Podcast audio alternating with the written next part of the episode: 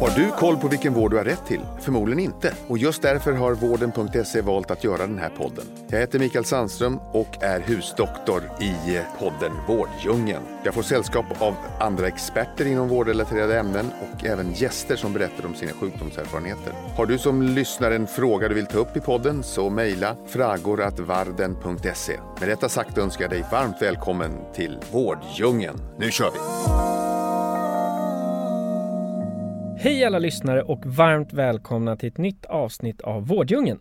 I höst är det val och aldrig tidigare har väl vården varit en så viktig fråga för så många. Den svenska vården är bra, riktigt bra, men den räcker kanske inte riktigt till alla gånger. Idag ska vi prata om tillgänglig vård, eh, om jämlik vård och digitaliseringens möjligheter. Det är stora ord. Den här podden finns ju till för att vägleda dig som lyssnar genom vårddjungeln. Det finns en annan sida av vården som man som patient kanske inte tänker på. Hur säkerställer vi kontinuitet? Hur kan man som patient hamna rätt? Och hur får man rätt läkare att få rätt information?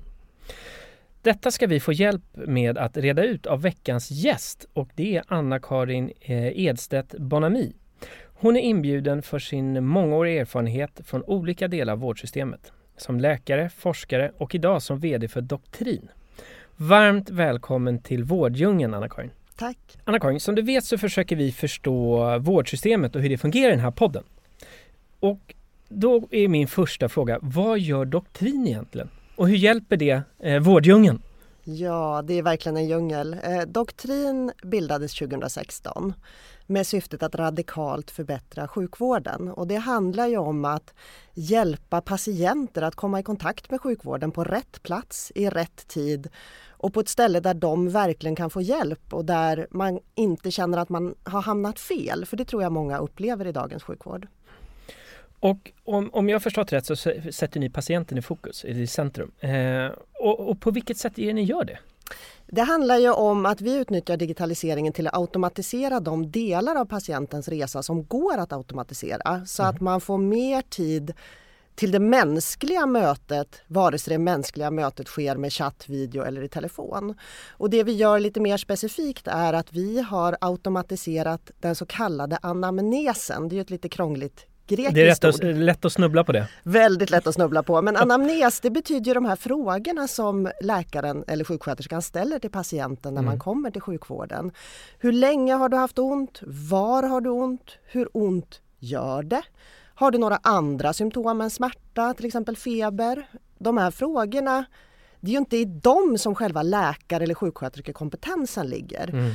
Utan vi automatiserar frågeställandet på ett sätt som gör att det blir jämlikt, patientcentrerat. Det finns ingen begränsning i tid, mm. hur lång tid man kan ta på sig att fylla i ett sånt här automatiskt frågeformulär. Vi ger alltid patienterna möjlighet att uttrycka förväntningar, farhågor, föreställningar. Kanske går man runt och är livrädd för att man har cancer. Mm. Allt det här fångar vi automatiskt i ett frågeformulär som sen sammanställs till en rapport som för läkaren eller sjuksköterskan som tar emot det här väldigt mycket liknar en alldeles vanlig journalanteckning. Det vill säga det är ett sätt som man är van som personal att ta till sig mm. information på. Mm. Och sen när man har fått den information man behöver om patienten då vidtar ju själva konsultationen som är det här mänskliga mötet där man kan bli lyssnad på, man får sina farhågor bemötta. Mm. Nej, jag tror inte att du har cancer därför att det du har berättat i den här rapporten tyder inte alls på det. Tror du fortfarande att du har cancer och varför då i så fall mm. till exempel? Så att det, det är ett sätt att göra vården mer skalbar. Mm. Eh, att automatisera de delar som går att automatisera och sen lämna tid och utrymme för, för människan att göra det människan är bäst på. Eh, en spontan fråga på det då, det är ju att nu har ni väldigt många olika mottagningar eller kliniker som använder av ert mm. system.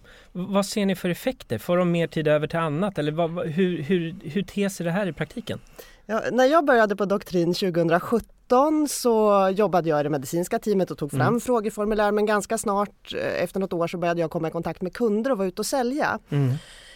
Eh, och då var det ju vanligt att inköparna ute hos de stora vårdorganisationerna ute hos kunderna sa så här, men vad, vad ska vi göra med all tiden som blir över när ni automatiserar en så här mm. stor del av patientmötet? Mm. Eh, och då handlar det om två saker. Dels att man får mer tid att faktiskt bemöta patienten där patienten befinner sig därför att Mm. man har den information man behöver. Men det andra handlar ju om att hjälpa vårdpersonalen att må bra på jobbet. För arbetsmiljön i sjukvården idag är ju inte bra. Det hör man, det är uppror stup i Ja, kvarten. och då handlar det om enkla grejer. Det finns jättemycket vårdpersonal i Sverige som inte äter lunch. Ja. Eh, toalettbesök eh, är det väldigt få vårdpersonal som faktiskt hinner med Mm. i en pressad vardag. Man prioriterar inte bort sina patienter, man prioriterar bort att gå på toaletten. Mm. Så att sådana enkla basala grejer ger verkligen en väldigt, verkligen en väldigt stor arbetsmiljöförbättring för personalen. Eh, nej men, eh, och du nämnde tidigare om jämlik vård. Mm. Eh, har vi inte jämlik vård i Sverige? Och är det här verkligen någon debatt som man behöver föra? Alltså vad betyder jämlik vård egentligen? Jag läste faktiskt på lite grann inför det Ja. att vi skulle träffas ja, ja, idag och så såg jag att Vårdanalys som är en av mina favoritmyndigheter i Sverige som verkligen analyserar hur bra vården och omsorgen Mm. är. eh, De har skrivit att jämlik vård handlar om att det inte ska finnas omotiverade skillnader i vården. För skillnader i vården kommer det ju alltid finnas Mm, mm. eh, och de ska ju vara motiverade. Du får inte det här läkemedlet Mm. därför att du står redan på ett läkemedel som inte passar ihop med det här nya läkemedlet. Det är ju en motiverad skillnad. Mm. Men när vi pratar ojämlikhet då pratar vi om omotiverade skillnader. Alltså ren diskriminering som att ens härkomst eller kön eller ålder gör att man får oftast då sämre vård eller i vissa fall högre tillgänglighet eller bättre vård. Det här är ju ojämlikhet. Men, men kan inte jämlikhet i vård också vara en aspekt på var man bor i Sverige? Alltså Jo, hur lång finns tid det tar att få mitt knä opererat eller hur lång tid det tar att jag får en utredning och så vidare? Eller? Absolut, det finns ju jättestora geografiska skillnader. Jag kommer ju själv uppifrån norra Jämtland, Ja. eh, på norska gränsen, 25 mil från närmsta sjukhus. Ja. Under de 15 första åren av mitt liv fanns det inte en fast läkare på orten där jag bodde. Mm. Den närmsta läkaren fanns 15 mil bort eller i Norge. Då fick man Mm. åka över gränsen då i Mm, några mm. mil för att gå till doktorn. Eh, och det är ju en sorts jämlikhet. Men vad värre är, är ju att även de som bor där tillgången till vård borde vara god Mm. bemöts ju inte lika. Och Mm. det är ju en av sakerna som automatisering faktiskt till viss del kan råda bot på om man automatiserar på rätt sätt. Mm. Tittar man till exempel på den automatiska patientintervjun som görs i doktrinsfrågeformulär inför ett Mm. läkarbesök till exempel så får ju patienten varje gång samma frågor. Det vill säga det finns inga förutfattade meningar kring att du ser sportig ut, det är klart Nej. att du inte röker eller dricker eller så. Utan alla patienter får faktiskt svara på frågan röker jag, dricker jag? Mm. Och det är ju en grundförutsättning för att kunna ge en jämlik vård, att man bemöter alla människor lika i vården så att Mm. säga. Det andra handlar ju om tillgång också till vård. Eh, där man vet att vissa grupper har ju mycket svårare att komma i kontakt med sjukvården och det kan ju handla om till exempel språksvårigheter. Jag brukar ganska ofta prata om när vi jobbade på ett av de stora barnsjukhusen här i Stockholm förra året så var det en av sjuksköterskorna som jobbade i vår plattform Mm. som berättade för mig att tidigare var det ganska vanligt att hon på dagtid då när hon hade telefontid blev uppringd av pappans arbetsgivare som berättade vad det kroniskt sjuka barnet hade haft för symptom natten innan därför att pappans arbetsgivare pratade svenska. Mm. Det var pappan som var den som var yrkesarbetande i familjen. Mm. Det hon såg som en tydlig jämlikhetsförbättring i vården när de hade börjat jobba med vår plattform då var att nu kunde istället mamman som kanske var den som oftast hade varit uppe med det sjuka barnet på natten eftersom hon inte yrkesarbetade. Hon kunde ta hjälp av en släkting eller annan närstående som pratade svenska och kunde hjälpa till att fylla i det här frågeformuläret. Därför att det går att göra dygnet runt, man har hur lång tid på sig som helst, man kan använda lexikon etc. Ehm, och det ger ju förstås en enorm kvalitetsförbättring att man får barnets sjukhistoria direkt ifrån den som faktiskt har observerat vad det var barnet var med om istället för att få det då ifrån pappans arbetsgivare som förstås visste väldigt lite om det här Ja, men såklart.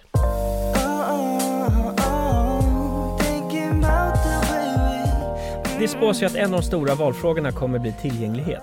Hur, hur ser du på det begreppet? Ja men i Sverige idag har vi en vårdgaranti mm. som ger alla människor då rätt till att komma i kontakt med sin primärvård samma dag och få en kvalificerad medicinsk bedömning inom några dagar mm. samt besök till specialistläkare då inom 30 dagar. Vi vet ju att det här är det ju väldigt många vårdgivare i Sverige idag som liksom inte håller eller uppnår. Tittar man på tillgängligheten i primärvården så är ju den under all kritik. Det är ju väldigt vanligt att ett av tre telefonsamtal som rings till en vårdcentral till exempel mm. inte kommer fram samma dag. Att man får försöka flera dagar i rad innan man kommer fram till vården. Varför är det så? Skulle du tro? Eller vad är din, din syn? Det, jag tror att det handlar ganska mycket om att man inte tar hand om patienterna på bästa effektiva omhändertagandenivå. Att låta patienter helt osorterat ringa in mm. och bli intervjuad av en sjuksköterska per telefon. Det är ju inte måste ta en massa tid. resursanvändning. Ja precis, det tar en massa tid. 67 minuter tror jag per telefonsamtal ja. i genomsnitt. Eh, vi har ju jobbat väldigt mycket eh, på doktrin med att liksom lösa just det här problemet. Hur mm. kan man så effektivt som möjligt ge så god tillgänglighet som möjligt till primärvården? Eh, och där har ju vi kunnat visa att man kan ju i princip fördubbla effektiviteten vid den första kontakten, det man i vårdcentralslingo kallar triage. Mm. Det vill säga att man guidar eller sorterar patienterna till rätt vårdnivå. Mm. Där man då fyller i den automatiska sjukhistorien som vi pratade om tidigare i ett frågeformulär. En sjuksköterska läser det här och chattar ett svar till patienten och det svaret kan ju innebära att man skickar egenvårdsråd.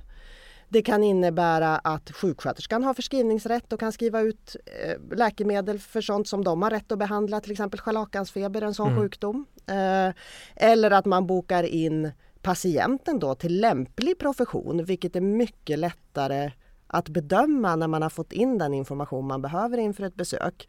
Och det kan ju vara att ett läkarbesök är det lämpligaste. Men det kan ju också vara att den här rapporten då som man har fått ut från frågeformuläret berättar att det är en fysioterapeut som vore den lämpligaste mm. vårdnivån för patienten. Och bara där sparar man ju enormt mycket resurser. Att mm. man samlar in den information man behöver för att kunna bedöma vad är det, hur kan vi bäst hjälpa dig som patient i det här läget. Men då blir jag nyfiken på när ni är ute och träffar potentiella mm. kunder eller samarbetspartner vad ni kallar det. Varför, varför säger de som inte väljer att använda det, varför, hur kan man säga nej? Jag säga? Tekniken är ju bara en del av den förändringsresa som sjukvården behöver göra. Mm. Man, det är otroligt mycket teknikfokus där ute hos alla, mm. hos inköpare, beslutsfattare, även hos vårdpersonal. Men det finns ju liksom ingen teknik i världen som reparerar ett trasigt eller suboptimalt system Nej. utan det krävs ju en ganska stor dos av förändringsledning och det har vi ju sett inte minst under pandemin. Att ja, video, det var ju enkelt, det kunde ju mm. alla börja använda på en gång. Men video är ju inte riktig digitalisering av sjukvården. Man ersätter ju bara en fysisk mötesform med en annan mötesform som är lika ineffektiv, lika ojämlik, tar lika mycket resurser i anspråk som, som det fysiska mötet. Mm. Vill man digitalisera på riktigt så behöver man förändringsleda och det vet ju alla som har försökt göra det i hemmet eller på arbetsplatsen att det är ju någonting som kräver liksom specifik kompetens, det kräver tid, det kräver resurser. Och alla vårdgivare är inte där idag. Mm. Att de har kompetens, tid eller resurser att kunna ta emot ett förändringsledningsprojekt mm. eh, som digitalisering innebär. Och är man inte beredd att göra det då tycker jag faktiskt att man ska avvakta med att digitalisera. Mm. Därför att det kommer ju aldrig lyckas mm. om man inte är beredd att göra den förändring som, som behövs. Och förändring är ju svårt i alla organisationer. Ja. Att, ja. Men vi på Doktrin har ju förstått det här väldigt tidigt eh, skulle jag säga. Så att när vi grundades redan för fem år sedan eh, så förstod ju vi att vi behövde ju parallellt med att vi byggde en avancerad medicinteknisk plattform, alltså mm. alltså vår produkt, så behövde vi också bygga upp ett koncept för hur man förändringsleder i sjukvården mm. och får det att funka. Och det har ju vi lyckats bra med. Vi finns ju på 325 vårdenheter idag. Mm. Eh, de allra flesta i Sverige, ungefär 260, men ett ökande antal även på andra marknader. Mm. Och vi har ju gjort vår beskärda del av misstag under den resan kan man säga. Men det var några saker vi gjorde rätt från början. Bland mm. annat så är det ju så att man har lättare att lyssna på någon som är av ens egen profession när man jobbar i sjukvården. Mm. Så vi anställde väldigt tidigt läkare som jobbade med förändringsledning. Mm. Eh, särskilt riktat mot läkargruppen för då var det lättare för dem att lyssna och förstå. Man känner igen varandras vardag. Fisk, fick en acceptans. Fick en acceptans helt enkelt. Eh, sen förstod vi efter att vi kanske hade haft en ambition att man omedelbart skulle få med precis alla i en personalgrupp på tåget. Mm. Så har vi ju fortfarande kvar det som slutmål men har identifierat att det är väldigt viktigt att börja med de som är ja, men som är sugna på förändring, som vill vara med och leda projekt och så. Och det har ju också gjort att vi enklare lyckas. Och sen så blir det ju positiva ringar på vattnet för att när läkare och sköterskor börjar prata i personalrummet om hur, hur trevligt det är att chatta med sina patienter, att få den här kontinuiteten som man kan få när man kan kombinera det digitala och det fysiska, fysiska i patientens resa då är det ju fler som vill vara med på tåget och säger så här, ja men jag vill också börja jobba digitalt eller digifysiskt, hur gör jag det? Mm. Och, och, nu blir jag nyfiken på dig som person, för jag ser hur det lyser i ögonen på dig när du pratar om det här. Men du har ju en bakgrund, du har jobbat som docent på Karolinska, eh, du har forskat inom epidemiologi eh, och nu så är du VD på Doktrin. Vad är det som driver dig? Ja men att förbättra sjukvården skulle jag säga och det, det här kanske låter lite klyschigt men jag växte upp som jag sa tidigare i norra Jämtland eh, på gränsen till Norge utan tillgång till läkare. Ja. Och där var ju min mamma distriktssköterska hela min uppväxt Mm. eh, och det var bara tre distriktssköterskor på ett område som var ganska stort, 43 kvadratmil. Jag har ingen bra jämförelse men det, Det låter stort. det är stort, det är som typ ett svenskt landskap liksom. Ja. Jämtland är ju, är ju lika stort som typ hela södra Sverige. Men 43 mil, hur långt kommer man då? Du kommer ju förbi Jönköping från Stockholm. Ja just det, nu Och- var det ju 43 kvadratmil Ja. då, men man, hon kunde Ja. köra typ 7 mil norrut och 7 mil söderut och så Ja. några mil på bredden också och ta hand om sina patienter och var ju ute liksom dag och natt och i snöstorm och på somrarna och, och sådär. Och jag trodde ju när jag var barn att sjukvården var så här dålig och att den liksom inte gick att förbättra för att Ja, men jag trodde faktiskt att det var för att min mamma var sjuksköterska som det här inte gick. Mm. Jag tänkte jätteofta under min uppväxt att hade hon bara varit läkare då hade det här inte varit något problem. Liksom. Mm, Då hade mm. hon kunnat bestämma och, och sjukvården hade varit bättre där uppe och så. Och någonstans där eh, i någon slags ungdomlig naivitet så, så tänkte jag att jag ska bli läkare och rädda sjukvården. Mm. Hur gick det då Eh, tycker du? Ja men det gick väl, alltså med facit i hand så jag har gjort jättemycket bra saker som, som jag är stolt över och jag har verkligen verkligen försökt genom att engagera mig i professionella organisationer, Mm. genom att bedriva akademisk forskning, ta reda på nya fakta, försökt sprida dem och så. Ehm, och jag menar vi ska inte, vi ska inte heller vara för deppiga. Jag menar svensk sjukvård är ju i världsklass. Mm. Det är ju väldigt få länder som har bättre sjukvård än Sverige. Mm. Eh, trots att vi sitter här och, och gnäller lite grann nu. Men det, det som jag blev orolig över efter att ha jobbat i sjukvård, sjukvården i nästan 20 år, det är tempot i förändringen. Mm. Eh, Jag kände att jag kan inte med 25 år kvar att jobba, för det var väl ungefär det jag hade när jag lämnade sjukvården då och min kliniska aktivitet för att börja på doktrin. Mm. Jag kände att med 25 år kvar att arbeta så kan inte jag fortsätta det här tempot för då kommer vi inte ha nått någonstans. Utan när doktrin dök upp på horisonten och jag förstod liksom kraften i den här ja, men nya svenska techvågen ska man Mm. väl ändå säga att vi har ridit en hel del på. Hur kan man kombinera riktigt smart och skalbar produktutveckling med något som på riktigt är bra för både skattebetalarna, för vårdgivarna, alltså det vill säga de stora Mm. vårdgivarorganisationerna, eh, för patienterna och för personalen. Då kände jag att det här var en resa som jag var extremt motiverad att hoppa på. Eh, Så jag lämnade, jag vet inte om det var en 40-årskris eller något, men, men jag hoppade verkligen av en ganska ja, men framgångsrik bana som, som läkare och forskare för att prova något helt nytt och lära mig något Mm. helt nytt. Och hittills tycker jag att det är ganska häftigt vad vi eh, vad jag har fått vara med om och, och realisera på den här resan. För vi har ju utfört mer än 3,5 miljon vårdmöten i vår Mm. plattform idag. Vilket är väldigt, väldigt många. Om man till exempel tar alla svenska nätläkare tillsammans Mm. så gör de 2 miljoner digitala vårdmöten per år. Otroligt. Och det var den volym Nej. som vi ungefär gjorde under föregående år. Så, Mm. att, så att vi har blivit väldigt stora och jämför man det med min läkargärning där jag jobbade framförallt med nyfödda då större delen av, av eh, min resa så tror jag att jag hann undersöka 8000 nyfödda. Mm. Och det tyckte jag var mycket. Ja, ja, ja. Men 3,5 miljoner är ju mer. Se vad tekniken kan göra.